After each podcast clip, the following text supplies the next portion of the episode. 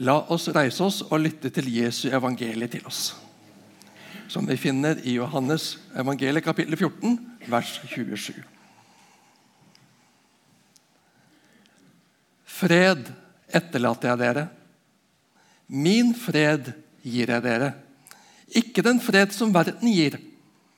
La ikke hjertet bli grepet av angst og motløshet.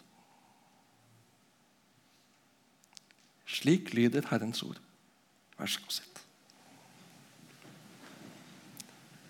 Dette er Jesu ord til deg i dag.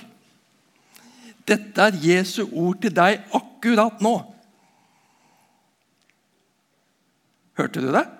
Eller gikk det for fort? Jeg leste ikke fort, men om det trenger litt tid til å komme inn i det, og så plutselig så var det ferdig For sikkerhets skyld så vil jeg lese det en gang til. Og det skal bli flere i løpet av talen. Ja. Fred etterlater jeg dere. Min fred gir jeg dere. Ikke den fred som verden gir. La ikke hjertet bli grepet av angst og motløshet. Har du tenkt over i hvilken situasjon Jesus sier disse ordene? Dette sier Jesus til den nære disippelflokken like før han skal tas til fange tortureres og drepes på den mest bestialske måten korsfestelse. Jesus vet hva han går i møte. Jesus vet hva som venter ham rundt neste sving. Jesus vet hva som venter disiplene i den umiddelbare nærhet og litt lenger framme.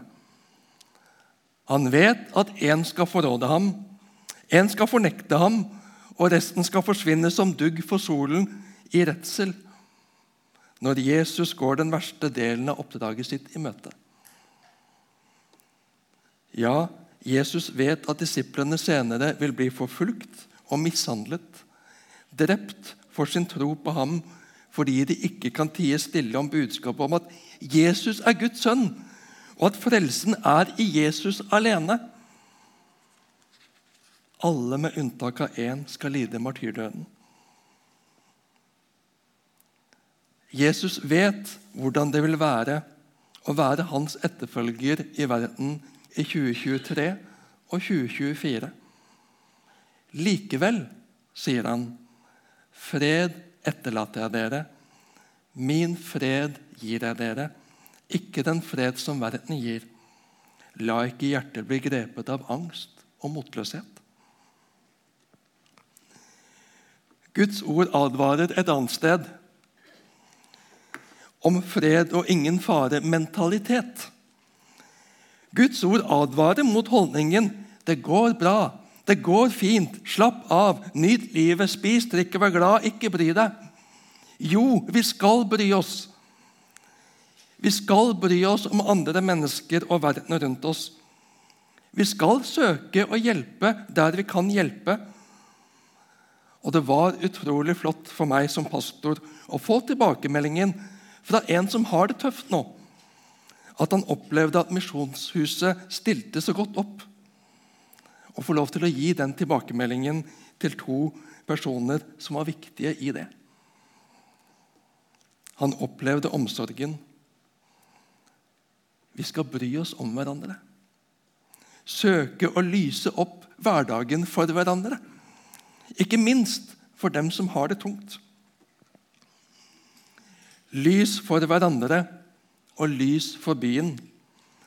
Det er mange behov rundt oss. MUF har gitt et ønske om å involvere seg i matutdeling og diakonal, diakonalt arbeid i byen. Misjonshuset er med i turnusen for natteravn i Kristiansand.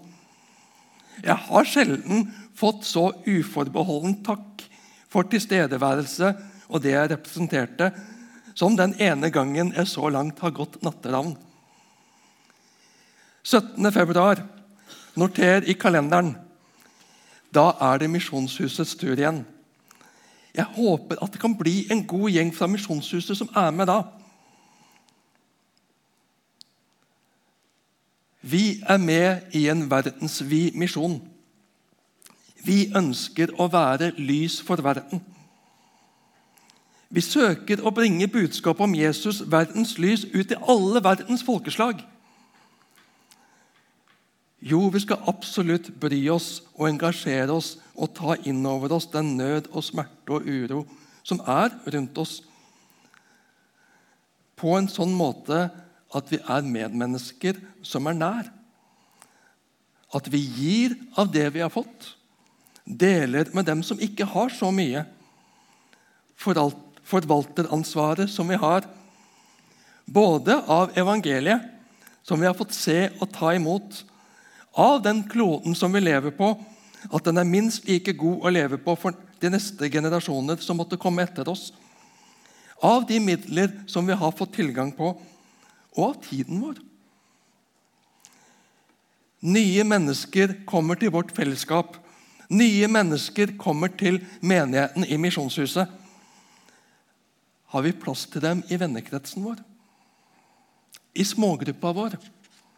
i praten etter gudstjenesten og utover søndagen. Guds fred er ikke en fred som kobler andre ut. Den fred Jesus vil gi, gir absolutt andre rom. Den freden har et stort hjerte for andre. Samtidig som vi tar på alvor hviledagen og hviletiden som Gud har gitt oss. Jeg tror nesten at vi kan kalle det en folkesykdom i vårt samfunn i dag.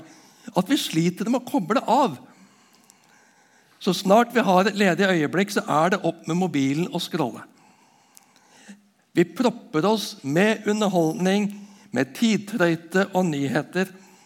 Vi gir ikke øyne og tanke og hjerte fred og hvile. Vi står i fare for å slite oss ut på digital stimulans. Vi sier at vi kobler av med scrolling, sosiale medier og lignende. Ja, vi kobler av fra de rundt oss. Vi kobler av noen arbeidsomme tanker, kanskje. Men vi gir ikke hjernen avkobling. Vi gir ikke hjertet ro. Vi gir ikke oss selv ro til å bare være alene eller sammen med andre. For oss som har for vane å plukke opp mobilen i tide og utide og stadig måtte sjekke noe, skal 2024 være et år hvor vi forsaker de fristelsene og tar avstand fra de vanene og mekanismene i oss for å ta imot hvilen og freden og fellesskapet med Gud og mennesker i større grad. Fred etterlater jeg dere. Min fred gir jeg dere. Ikke den fred som verden gir. La ikke hjertet bli grepet av angst og motløshet. Det er mye rundt oss og i oss som kan vekke og nære angst og motløshet. Hvordan skal det gå med denne verden? Den ene krigen etter den andre. Terroraksjoner, Flom og oversvømmelser noen plasser, tørke og branner andre steder. Svak krone, høy rente, fattigdom som øker i samfunnet vårt. Psykisk sykdom i økt omfang, ikke minst blant unge mennesker. Usikkerhet på hvem en er, hva en er, hvor en hører til. Og det er bare jeg som kan finne ut hvem jeg er. Det skaper både press og rotløshet. Både angst og motløshet, depresjon, har gode kår i verden i dag. Men Jesus sier, 'La ikke hjertet bli grepet av angst og motløshet'. Vi kan ikke bestemme oss for ikke å bli syke. Sykdom rår vi i stor grad ikke med. Der skal vi søke både medisinsk hjelp, som er å få, og gjerne, og jeg har lyst til å si, som naturligste ting, søke forbønn. Men når Jesus sier 'la ikke hjertet bli grepet av angst og motløshet', så handler det om en bevisstgjøring i reaksjonsmønsteret vårt. Hvordan velger vi å respondere? Lar vi oss rive med av mengden? lar vi oss overmanne og sette ut av omstendighetene fordi vi velger samme perspektiv som de som er uten Gud og uten håp i verden? Vi kan identifisere oss sånn med samfunnet rundt oss at vi glemmer hva vi har fått av Jesus. Som kristne har vi noe som ikke-kristne ikke har. Vi er Guds barn. Vi er på den seirendes side. Gud har kontroll. Vi har et liv utover dette.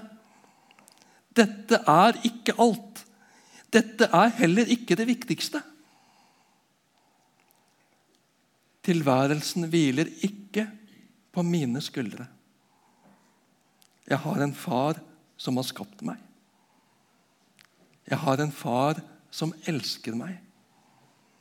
Jeg har en bror og frelser som gikk i døden for meg for å gi meg livet tilbake, det evige. Det som jeg tapte i syndefallet. Vi har et levende håp. Ikke et kanskje. Ikke et usikkert håp. Ikke et 'det går nok bra'. Vi har et levende håp. En klippefast forankring i Jesus Kristus som har åpnet døren til livet for deg og meg. Der har vi vår fred. Fred i tid og evighet. I barnesangen så synger vi 'Når det stormer, når det stormer, når det stormer rundt omkring'. Når det stormer, når det stormer, stormer rundt omkring. Hei. Han er sterk når jeg er svak, hjelper meg å ta nye tak. Når har du når det stormer. Jeg er sjeleglad for at det hviler på Jesus alene, frelsen, det evige livet. Han hjelper meg ikke til å få det til selv. Det er jeg ikke i stand til. Han har fiksa det. Ferdig. Fiks ferdig. Ikke noe mer som skal gjøres der i gården. Men nettopp ved det gir han meg hjelp og livsmot. Jeg er svak, og jeg vet at jeg er svak. Men Jesus gir meg mot på livet, mot til å leve Mot til å stå i troen på ham når det stormer, når det hardner til. Når faren for forfølgelse kan virke nærmere også i vårt eget land. For han er med meg. Ja, han bærer meg. Han er min fred. Han gir meg en fred som er helt annerledes enn den fred verden kan gi gjennom fredsforhandlinger, Nato, klimaavtaler, forsikringer, velferdsordninger og penger i banken. Alt det kan rakne. Men Jesus kan ikke rakne. Jesus kan ikke svikte. Han står fast. Han er min fred. Han vil være din fred.